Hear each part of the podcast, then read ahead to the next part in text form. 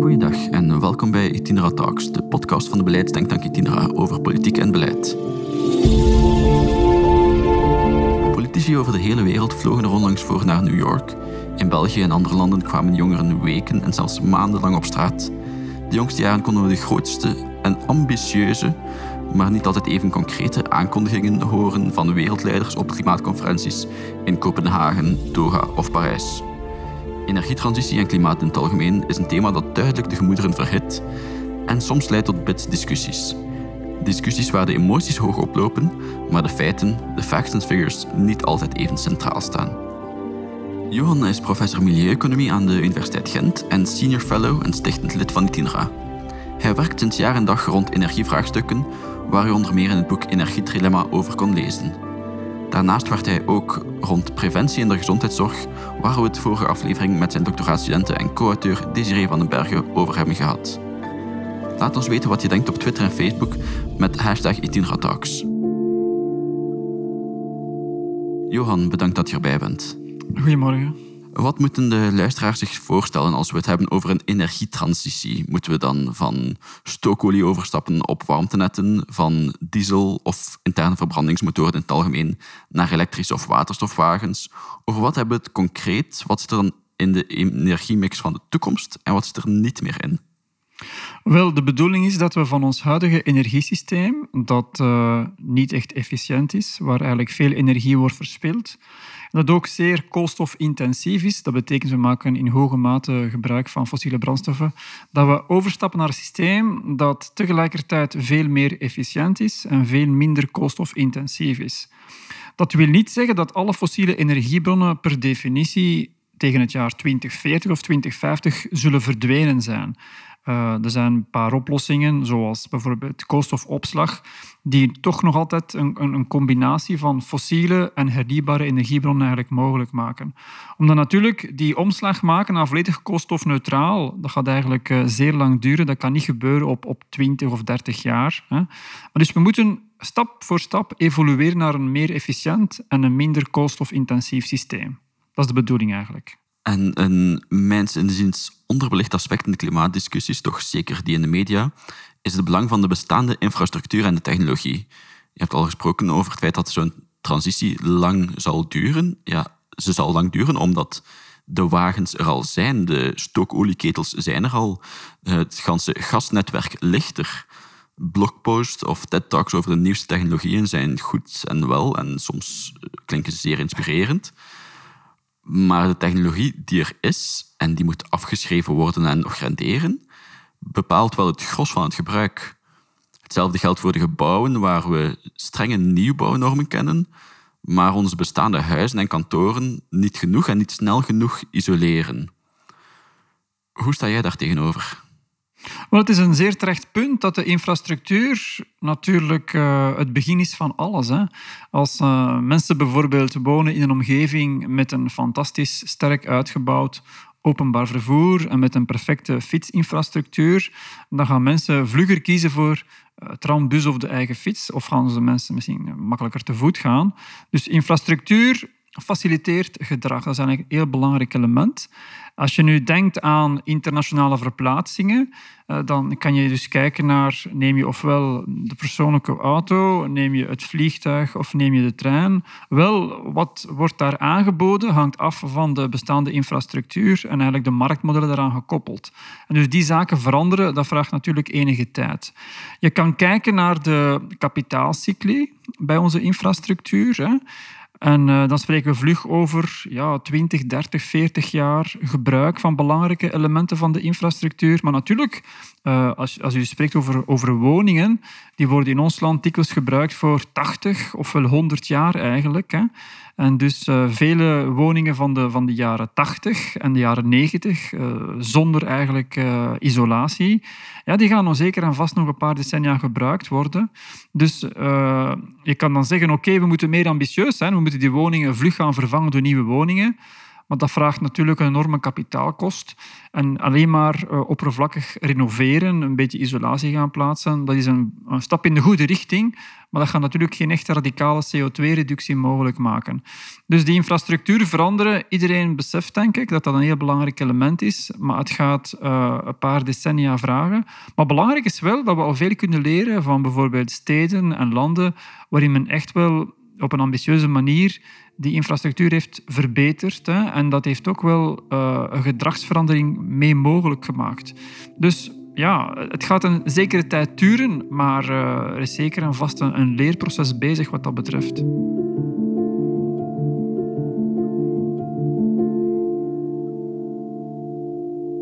In het beleid maakt de overheid vaak technologische keuzes. Zo heeft de Vlaamse overheid aangekondigd volledig te willen afstappen van stookolieketels en hard in te zetten op gas. Hoe kijken economen naar dergelijke beslissingen? Um, wel, dat is natuurlijk een zeer interessante uh, beslissing. Uh, wat valt natuurlijk wel op, is dat die beslissing uh, de ene fossiele technologie verandert door de andere fossiele technologie. Men zegt dus mensen met stookolie die moeten gaan overschakelen op gas. Terwijl Nederland als gasland recent heeft gezegd, wij willen weg van gas. Wij willen dus net mensen afkoppelen van het gasnet. Zij moeten gaan werken met andere technologieën. Nederland zegt men, nu mensen nog laten een gasinstallatie aankopen, dat is eigenlijk het creëren van een carbon lock-in, want die technologie gaat lang worden gebruikt. Dus zo halen we nooit ambitieuze doelstellingen tegen 2050 toe. In Vlaanderen zegt men eigenlijk het tegendeel. Nederland zegt, we moeten gas vervangen door stadswarmtesystemen, vertrekkende van restwarmte uit de industrie of eventueel uh, duurzame warmteproductie via, via biomassa of geothermie of noem maar op eigenlijk. Hè. En een deel moet komen uit elektrificatie. Natuurlijk, in, in Vlaanderen of België, elektrificatie ligt een beetje moeilijk. U weet, dit is een land met een afschakelplan. Hè. We hebben problemen om simpelweg in de acute winterweken uh, de vraag te kunnen volgen. Dus massaal de kaart trekken van elektrificatie ligt waarschijnlijk een beetje moeilijk vanuit dat perspectief. Nu, wat, wat zeggen economen over zo'n keuze? Wel, het is gevaarlijk dat uh, als beleidsmakers echt technologieën gaan selecteren als winnaar van de transitie, bij wijze van spreken. Dus picking the winners blijkt altijd zeer moeilijk te zijn. Waarom is dat moeilijk? We hebben nooit echt alle informatie. Hè? Dus rond gastechnologieën heb je een technologische dynamiek, maar je hebt ook rond stookolie-technologieën een technologische dynamiek.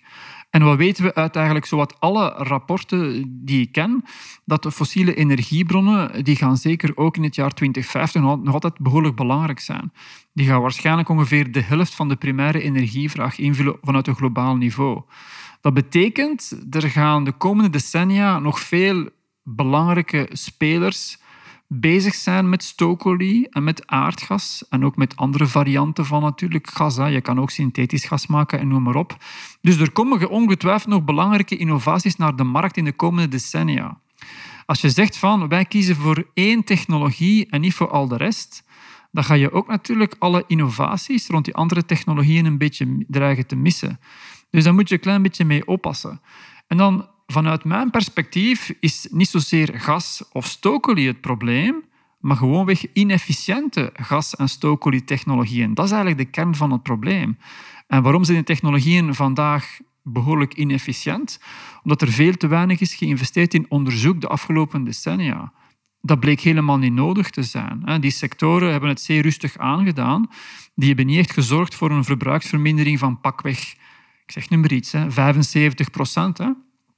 En dus uiteindelijk hierdoor zijn de technologieën vandaag ja, niet goed genoeg vanuit een zeer ambitieus klimaatperspectief. Dus uiteindelijk moet je ook rekening houden met wat is technologisch haalbaar, wat is ook betaalbaar. Hè? En dus je kan dat vergelijken met de stelling vanaf 2030 mogen geen verbrandingsmotoren meer worden gebruikt in het transport. Dus moet iedereen gaan elektrisch rijden of gaan rijden op, op een fuelcel, op, op waterstof, noem maar op en zo. Oké, dat klinkt zeer goed en dat heeft belangrijke voordelen. Maar natuurlijk niet vergeten, een deel van de bevolking heeft uh, niet genoeg middelen om die toptechnologie vandaag te kopen en ook niet binnen tien jaar. Je hebt nog altijd veel mensen die rijden rond met een zeer oude tweedehands auto. En die gaan het ook financieel moeilijk hebben binnen 10 of 20 jaar. Dus voor die groep is er misschien best nog in de markt een soort tussenoplossing. Denk aan een hybride auto die ook eigenlijk zeer weinig verbruikt, die relatief weinig uitstoot. En dat is denk ik ook vanuit sociaal perspectief een mee te nemen element. Dus uiteindelijk, uh, wat gaan de meeste economen zeggen? Kies niet echt de winnaars, maar verbied slechte toepassingen van een technologie en niemand kan een bezwaar bij hebben dat er een verbod komt op inefficiënte gas- en stookolienketels. Hè. Die worden vandaag nog altijd verkocht trouwens. Hè. Dus je zou kunnen zeggen van, wees erin zeer streng, dat alleen de allerbeste technologieën in de markt mogen blijven komen en zet een standaard van hoe die technologieën moeten gaan evolueren tegen 2030 en 2050. Laat de sector die de technologieën aanbiedt zweten en laat die technologische verbeteringen aanbrengen die natuurlijk wel een meerwaarde brengen dan speel je eigenlijk een beetje meer veilig als beleidsmaker. Moet niet vergeten, als je zegt van alles moet elektrisch worden, prima. Maar als tegen 2040 en 2050 nog altijd een groot deel van je stroompproductie komt uit fossiele bronnen, gascentrales, eventueel steenkool, hè, wat nog altijd in Europa belangrijk is, op een of andere manier, zeker in uh, een paar Oost-Europese landen, ja, dan heb je wel alles op elektriciteit getrokken, maar dan is die productie zelf ook niet 100% groen. Dus je, je verliest daar ook eigenlijk. Hè. Dus we kunnen de toekomst niet voorspellen. Het is allemaal niet zo eenvoudig.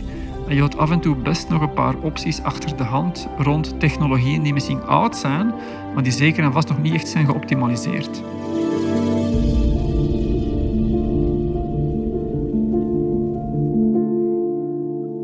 Laatste paper rond de energietransitie haal je zo'n aantal voorbeelden aan de, de leefbare steden of steden met een, een leefbare visie op 2050. Hoe vul je die leefbaarheid in?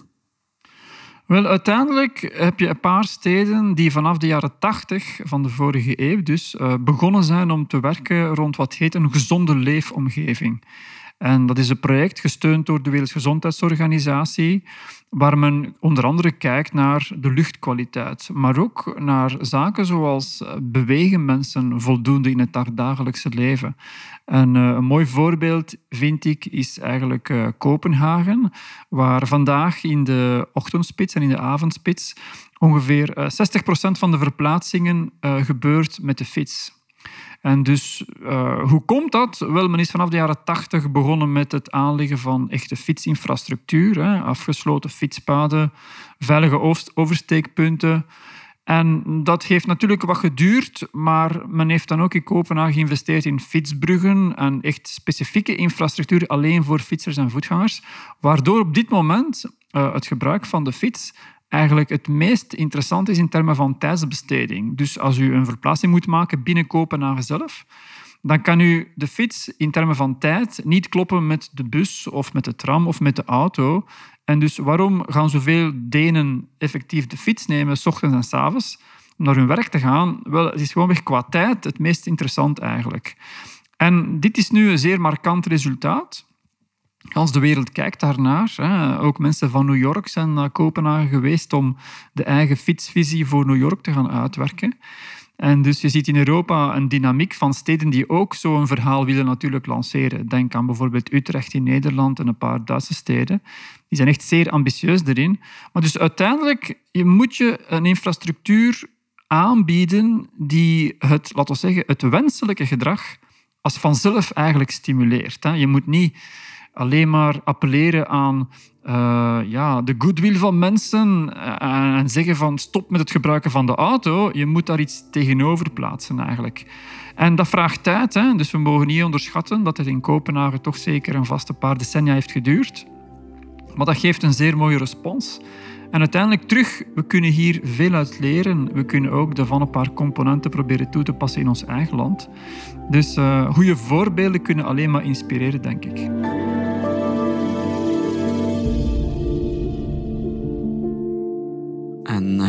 Wat ook hebt aangehaald is het uh, internationaal vervoer. Dus het, we hebben het nu al kort gehad over het openbaar vervoer. Maar het internationale vliegverkeer kende volgens mij de laatste jaren, of de laatste decennia zelfs, een enorme groei. Volgens mij is die nog volledig op kerosine. Corrigeer mij als ik, eh, als ik daarin fout ben. Ik heb al concept art gezien voor eh, elektrische of waterstofvliegtuigen, maar ik denk dat het daar toch bij bleef, toch zeker op een commerciële schaal. Maar ik ben onlangs met de trein naar Berlijn gegaan en dat heeft me zeer goed bevallen. Comfortabele zetels met veel beenruimte, wifi en stopcontacten om te werken, geen bagagerestricties, een prijs die vergelijkbaar was als met het vliegtuig en een reistijd die al bij al nog meeviel. Maar vergis ik me of slaagt de vliegsector erin om hun negatieve externaliteiten, hun vervuiling, extern te houden, terwijl de treinsector allerhande taxen en accijns betalen? Hoe kunnen we dan spreken van eerlijke concurrentie? Maar dat is natuurlijk een prangende kwestie. Hè. We moeten niet vergeten dat de luchtvaartindustrie uh, dat is eigenlijk, laten we zeggen, nog altijd een vrij jonge sector. Als je dat vergelijkt met uh, het gebruik van de treinen, noem maar op. En wat is typisch voor jonge sectoren? Die worden in het begin in hun groeifase enorm gestimuleerd en gesubsidieerd. En men heeft toen ook een paar afspraken gemaakt. Ik spreek nu over de jaren 40 hè, van de vorige eeuw. En heeft men onder andere bepaald dat er eigenlijk geen belastingen komen op het gebruik van brandstoffen. Dat is eigenlijk een soort internationaal akkoord. En uh, dat akkoord staat nog altijd overeind, bij wijze van spreken. En dus een internationale belasting op luchtvaartactiviteiten, ik bedoel het brandstofgebruik ervan, dat is niet echt uh, op korte termijn mogelijk, denk ik, gegeven dat akkoord. Nu, het gaat niet alleen over die belastingen op brandstof. Hè.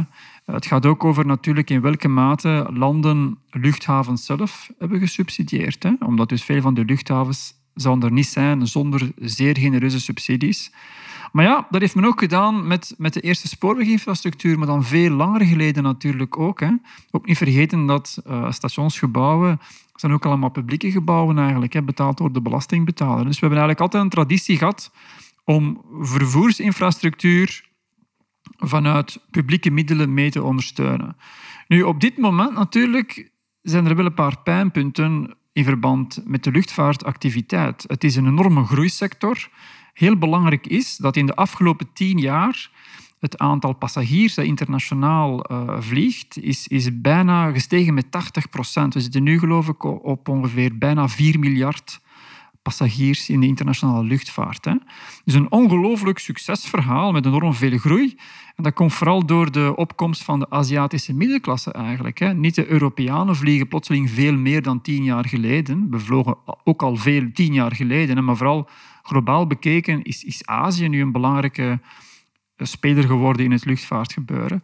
En dus de verwachting is dat dat gaat blijven doorstijgen en het aantal vliegtuigen dat in gebruik gaat genomen worden de komende tien jaar, dat is zeker nog eens een toename van ongeveer 10, 15 procent. En die vliegen eigenlijk allemaal op kerosine, zoals u zegt. Hè. Je kan natuurlijk wel een beetje gaan biofuel gaan bijmengen, maar de luchtvaartsector heeft extreme veiligheidsvoorschriften, waardoor dat het niet zo makkelijk is om daar grote volumes te gaan bijmengen, wat wel bij auto's eigenlijk uh, vandaag eigenlijk al, al gebeurt. Hè. Dus we moeten niet verwachten dat pakweg binnen, binnen een paar jaar uh, de helft van de tank van een vliegtuig wordt gevuld met, met, met biofuels op een of andere manier. Dat, denk ik, dat is denk ik uh, niet echt uh, te verwachten. En dus, wat is nog een bijkomend probleem? Dat die luchtvaartemissies, die vallen niet binnen de nationale emissies. Dat zijn dus internationale bunkerfuels, heet dat. En die vallen dus ook een klein beetje buiten het internationale klimaatbeleid. En dat is eigenlijk geen optimale architectuur wat dat betreft. Maar je hebt wel natuurlijk in een paar landen of, of regio's, zoals de Europese Unie, een aanzet om toch uh, een vorm van ja, uh, corrigerende belasting in te voeren. Hè. Dat gaat dan dikwijls over uh, belastingen per traject of uh, een CO2-equivalente belasting die kan worden ingevoerd. Hè. En ook in de VS, in een paar staten, heb je ook dat soort initiatieven. Dus het is niet zo dat er helemaal niks gebeurt rond luchtvaart. Alleen is het natuurlijk ook zo dat die sector uh, vandaag zo'n lage prijzen kan zetten in de markt, dat het inderdaad moeilijk is om als uh, treinbedrijf ermee te gaan concurreren, zeker op lange afstanden. Hè. Uh, bijvoorbeeld als u, als u in België vertrekt en u vliegt naar Zuid-Europa, dan kost dikwijls uw treinticket eh, naar de luchthaven kost dikwijls meer dan, dan gewoonweg uw, vliegticket naar Zuid-Europa. Ik heb dat zelf al een paar keer gezien uh, in mijn eigen familie eigenlijk. Hè. Dat is natuurlijk een vrij, absurde situatie. En dat gaan we niet alleen oplossen door de CO2-prijs te internaliseren in, in het luchtvaartticket. Daarvoor is nu eenmaal de luchtvaart op zich is behoorlijk efficiënt. Hè. Dat moeten we ergens erkennen. Wat in mijn ogen belangrijker is, is te kijken naar het totaalpakket van ondersteuning dat wordt geboden aan de luchtvaartmaatschappij. En in de zin van in welke mate zijn die luchthavens gesubsidieerd geweest. Hè. Die, die kunnen daardoor ook eh, kunstmatig lage prijzen aanbieden aan de gebruikers van die luchthavens. Dat is ook een heel belangrijk element in, in het debat. Uh, het is dus wel, zoals u zegt, min of meer zo dat, dat de luchtvaartactiviteit uh, en zijn de externe kosten voor een deel kan gewoonweg laten socialiseren eigenlijk. Hè. Daar is nog niet genoeg werk van gemaakt. Nu, we moeten ook meegeven dat dit is helemaal geen nieuw element is. Hierover praten we eigenlijk al 10, 20 jaar. En wat ook zeer belangrijk is, is dat in die afgelopen 10, 20 jaar vele internationale treintrajecten zijn afgeschaft geweest. Hè. Dus eh, ik ging vroeger nog, uh, 30 jaar terug zelf, met, met de nachttrein naar Barcelona bijvoorbeeld. Hè. En veel mensen kunnen daarover nostalgisch vertellen, maar veel van die nachttreinen bestaan vandaag niet meer. En natuurlijk, ja, als je minder en minder aanbod hebt van internationale treintrajecten, dan kan je niet verwachten dat de burger die, die wil een andere keuze maken, vlot overstapt naar de trein eigenlijk. Hè.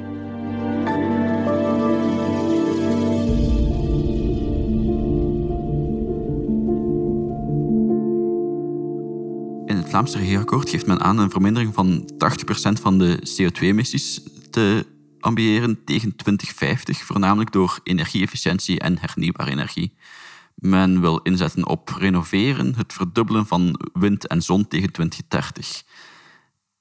Is de doelstelling te rijmen met de methode? Eh, komen we op die manier?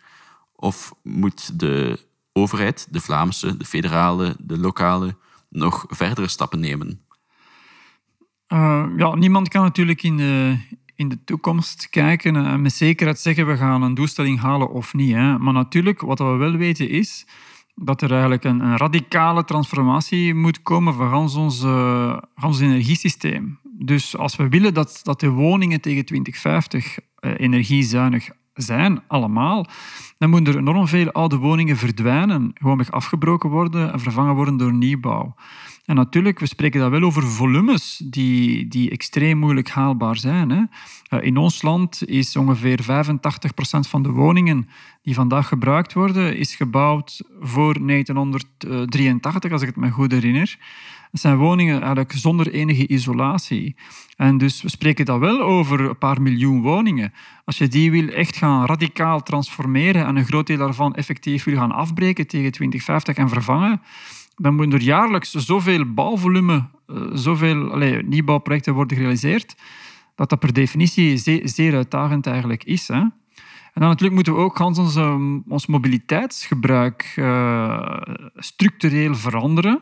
Dat vraagt dan ook natuurlijk infrastructuurinvesteringen die vandaag helemaal niet gebeuren. Uh, bijvoorbeeld in Brussel, hè, bekend omwille van de continue verkeersknoop, hè, praten we eigenlijk ook al twintig jaar over uh, een beter en een dichter openbaar vervoer. Je hebt discussies over het gewestelijk expressnet Brussel, uh, maar dat blijkt zeer traag te evolueren. Ter illustratie, die discussie is ouder dan mij. Ja, dat is best mogelijk. Hè? En dus wat is er eigenlijk al gebeurd in die afgelopen 20, 25 jaar? Een paar meer treinlijnen tussen Brussel en, en Leuven bijvoorbeeld, en Brussel en Halle.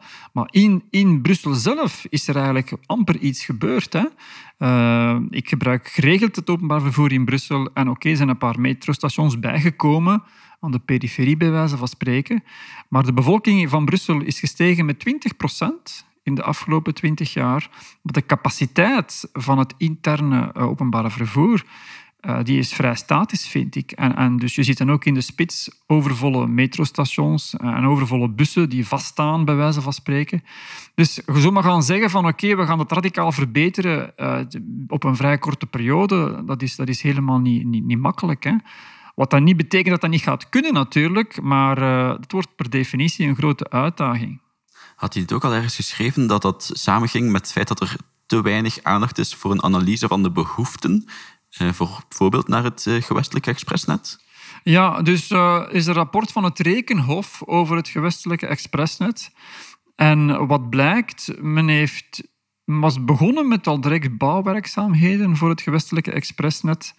En pas tien jaar daarna is men gaan bestuderen wat heeft eigenlijk de Brusselaar echt nodig om die uit de auto te krijgen, om die meer in de bus of tram of metro te krijgen. En dus men heeft eigenlijk zeer weinig aandacht voor de behoeften van de potentiële gebruikers. En men vertrekt van een paar a priori's van kijk, we gaan die lijn op die manier versterken. En men heeft dus nu wel meer treinen tussen Brussel en Leuven bijvoorbeeld, wat op zich zeer positief is. Maar daar heeft de gewone Brusselaar natuurlijk niks aan. Dat is wel goed voor de pendelaars, maar de Brusselaar heeft er eigenlijk zeer weinig aan. Je hebt dan ook terecht eh, de bemerking van vele Brusselaars dat hun verzuchtingen die worden niet uh, ingewilligd vanuit, of door de mensen die beslissen over Gen. En oké, je kan zeggen dat is misschien een beetje overdreven, alles heeft zijn tijd nodig.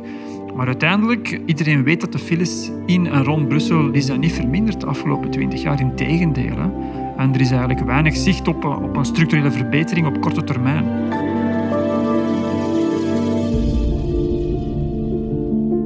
De overheid heeft zichzelf een aantal ambitieuze doelstellingen gezet tegen 2050. Een aantal meetbare doelstellingen tegen 2030. Maar dat klinkt nog redelijk ver af, terwijl klimaatactivisten en klimaatjongeren actie vragen, niet over 10 of 30 jaar, maar vandaag en liever nog gisteren. Komen we er met de doelstellingen die vandaag op tafel liggen? Wel, als we natuurlijk zijn de Europa tegen 2050 quasi koolstofneutraal zijn, als Europees continent bedoel ik dan, hè, dat is natuurlijk een heel belangrijke stap in de goede richting. Uh, je kan dat niet eisen tegen morgen. Hè. Dus je, je kan natuurlijk tegen morgen kan je een paar minieme veranderingen op het individuele niveau uh, proberen ja, te stimuleren. Dat kan je doen door met prijsinstrumenten te gaan werken. Als je bijvoorbeeld vindt dat uh, de Vlaming absoluut minder moet rijden met de auto of minder het vliegtuig nemen, wel ja, introduceer dan een paar extreem hoge belastingen. Dat kan een schokeffect veroorzaken en dan gaat de consumptie op termijn daarop reageren. Dat kan je eigenlijk doen. Maar of je daarmee heel veel gaat winnen, dat is nog een andere vraag natuurlijk. Hè. Dus op, op zeer korte termijn kan je niet op een constructieve manier, op een manier die te behappen is voor alle betrokken partijen, een verandering gaan realiseren, denk ik. Je moet als beleidsmaker altijd op uh, middellange en lange termijn werken. Maar je moet natuurlijk niet alleen doelstellingen formuleren. Dat is eigenlijk het makkelijkste dat er is. Hè. En uh, iedereen kan getallen suggereren die moeten worden gehaald tegen 2050 en daarna. Hè. Je moet natuurlijk ook uh, de voorwaarden uh, allez, ehm, bepalen. En je moet ook werken naar een beleid dat eigenlijk die doelstellingen mogelijk maakt te ondersteunen. En hoe ziet dat beleid er dan uit? Wel, uiteindelijk, als je die vraag stelt aan, aan economen, dan gaan die altijd uh, direct verwijzen naar het huidige marktfalen, dat in onze economie massaal aanwezig is. Hè. Wat bedoelen we daarmee? Uh, er is niet echt een, een juiste prijs op CO2. We hebben wel natuurlijk in een paar sectoren in Europa emissiehandel, maar die prijs is eigenlijk extreem laag. Hè. En veel wetenschappers zeggen dat de echte kostprijs, gekoppeld aan 1 ton CO2, wel, die varieert tussen pakweg uh, 30, 40 euro. En volgens sommige andere auteurs ligt die boven de 100, boven de 150 euro. En dat is eigenlijk de, de echte kostprijs die onze maatschappij gaat oplopen als gevolg van de uitstoot van 1 ton CO2. Nu, Wat zijn die kosten dan? Wel, natuurlijk, wel die klimaatverandering die gaat natuurlijk uh, gans ons landschap radicaal doen veranderen. Hè. Als die klimaatverandering niet kan worden beteugeld, kijken we aan tegen een, te tegen een temperatuurstoename van 4 tot 6 graden. Heb je een zeer hoge stijging van de zeespiegel, maar heb je vooral enorme migratiestromen. Omdat er uh, zeker mensen die, die, die wonen vandaag in de gebieden met een kwetsbare uh, landbouw, uh, landbouwarchitectuur, als ik het zo mag uitdrukken, die worden meer geconfronteerd met waterschaarste en voedselschaarste. En er komt ongetwijfeld een nieuwe golf van migratie op ons af eigenlijk. Hè. En, en dan spreken we niet over een paar honderdduizend, maar over, over tientallen, honderden miljoenen mensen die gaan hun, hun eigen geboortestreek ontvluchten. Die komen voor een stuk naar hier. natuurlijk moet ik ook niet vertellen, een Belgische land waar een groot deel van uh, Vlaanderen uh, niet bepaald hoog boven de zeespiegel uitsteekt. Hè. Dus als de zeespiegel radicaal zou stijgen tegen het jaar 2100, u kent die kaarten misschien, dan komt de Noordzee min of meer tot aan de Brusselse rand. Hè. En dat is natuurlijk ook niet echt de vooruitzicht dat optimaal is, als ik het zo mag uitdrukken. Nu, dat zijn natuurlijk extreme scenario's. Hè. Laat ons eerder uitgaan van dat we ook gaan investeren in adaptatie natuurlijk. Hè. Dat is een heel belangrijk element. Maar dus uiteindelijk, je hebt heel veel kosten. Hè. Je hebt ook uh, je hebt enorm veel onzekerheden eigenlijk, die heel belangrijk zijn. En als je dus wil dat we een andere toekomst kunnen creëren, dan moet je kijken naar ja, hoe veranderen we ons technologisch systeem? Dat is een heel belangrijke vraag.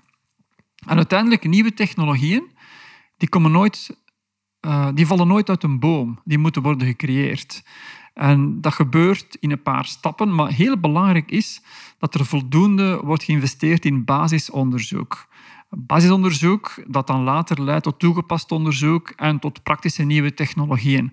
Een mooi voorbeeld is simpelweg eh, de microelektronica die we allemaal gebruiken in onze smartphone en noem maar op en zo. Wel, die golf van innovatie is begonnen rond Wereldoorlog 2 om na vele decennia te resulteren in ja, superieure technologie die eigenlijk heel gebruiksvriendelijk is. Hè. Dus je moet beginnen met basisonderzoek en dat gaat dan later leiden tot toegepast onderzoek. Nu, basisonderzoek dat wordt niet, gefinancierd door de private sector. Uh, private bedrijven die gaan niet denken in functie van return binnen 20, 30 jaar. Zeker aan vast als het gaat over riskante technologie. Dus je moet als overheid eigenlijk uh, de leiding nemen in het zeer riskante basisonderzoek. Maar wat blijkt, als we kijken naar de publieke uitgaven voor R&D rond nieuwe energietechnologieën, die zijn eigenlijk in nominale termen vandaag lager dan die waren rond de jaren 80. Eh, rond de jaren 80 ging ongeveer 12 procent van de publieke R&D-middelen naar energietechnologisch onderzoek. Vandaag is dat ongeveer 4 procent. Dus we praten al een paar decennia over klimaatbeleid en energietransitie, maar we investeren zeer weinig in basisonderzoek. En dus hierdoor komt er niet een nieuwe golf van technologieën morgen op de markt die het mogelijk maakt om die koolstofarme ja, infrastructuur op te bouwen eigenlijk. Dus dat is, dat is een tweede vorm van marktfalen. De eerste vorm was, er is geen echte prijs op CO2 op het globale niveau, waardoor niemand echt zoekt naar CO2-reducties. Er is geen echte prikkel om hard na te denken over wat kan ik doen om minder CO2 uit te stoten. Natuurlijk, die prijs op zich is niet genoeg. Je moet ook genoeg nieuwe technologie in de markt prepareren. Hè? En dat vraagt natuurlijk ook wel basisonderzoek. Dan moeten ook de overheden, uh, en dat zegt het Internationale Energieagentschap al twintig jaar eigenlijk, hè, er moet meer geld gaan naar basisonderzoek. En dan natuurlijk moet er ook worden gericht, gewerkt aan een zeer gericht beleid om de nieuwe technologieën op de juiste manier in de markt in te brengen. En een volgende vorm van marktfalen is het afschaffen van alle huidige fossiele subsidies. Dus uh, de OESO en IMF hebben berekend hoeveel we elk jaar uitgeven aan fossiele subsidies. Dat betekent geld geven om zoveel mogelijk fossiele energie te gebruiken. En die bedragen variëren van ongeveer 500 miljard dollar per jaar tot ongeveer 2000 miljard dollar per jaar. En enorm veel van die fossiele subsidies vinden we in het Midden-Oosten, in Rusland, Latijns-Amerika, waar mensen aan belachelijk lage prijzen kunnen fossiele brandstoffen eigenlijk inkopen. Hè. Maar ook in het groene Europa hebben we nog altijd uh, fossiele subsidies. Denk aan de steenkoolsubsidies in, in Polen, Duitsland, uh, Slovenië, Spanje. En we spreken al twintig jaar over het afschaffen van die subsidies, maar dat gebeurt nog altijd niet eigenlijk. Hè. Dus we moeten wel ook eens stoppen met het fossiele gebruik te promoten vanuit overheidswegen. Hè. Natuurlijk, dat is een verhaal van lobbyisten, dat weet u ook wel. Maar dus je hebt een paar belangrijke marktfalingen vandaag. Hè, en als we die laten voortbestaan, wordt het natuurlijk zeer moeilijk. Dus dat is eigenlijk een heel belangrijk element om die zoektocht naar nieuwe technologieën voldoende impact te geven.